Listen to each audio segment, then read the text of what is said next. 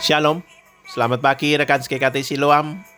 Biarlah pagi ini pagi yang sungguh-sungguh menyenangkan bagi kita.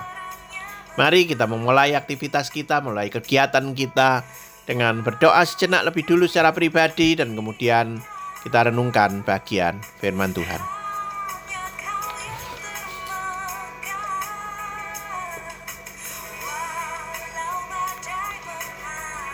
Kejadian 35 ayat yang pertama Allah berfirman kepada Yakub, "Bersiaplah, pergilah ke Betel. Tinggallah di situ dan buatlah di situ mesbah bagi Allah." Setelah Yakub berdamai dengan Laban dan juga berdamai dengan Esau, ia tidak merasa perlu lagi pergi ke Betel Padahal Yakub sudah berjanji kepada Tuhan untuk mendirikan tempat ibadah di situ. Ketika dia sampai di daerah padang rumput yang subur di Sukot,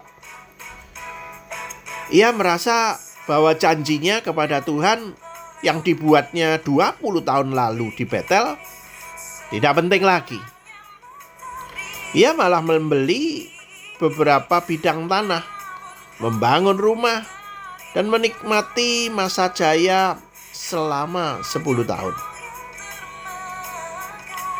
Baru setelah peristiwa Aib menerima putrinya yang bernama Dina, Yakub menjadi sadar bahwa seisi rumahnya dan orang-orangnya harus membenahi kehidupannya.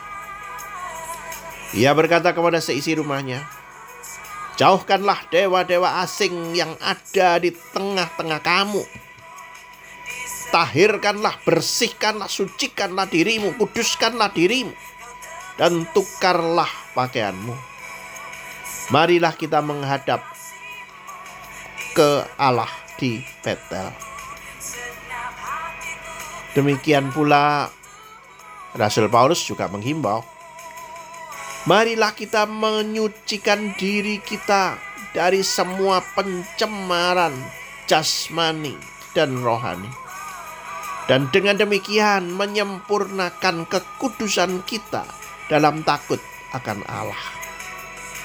Jangan sampai kita tertimpa musibah dahulu, baru kita ingat untuk kembali kepada Tuhan. Banyak kasus, banyak kali banyak kasus juga orang seperti ini. Tenang sampai ada masalah baru cari Tuhan. Tenang setelah sakit baru cari Tuhan.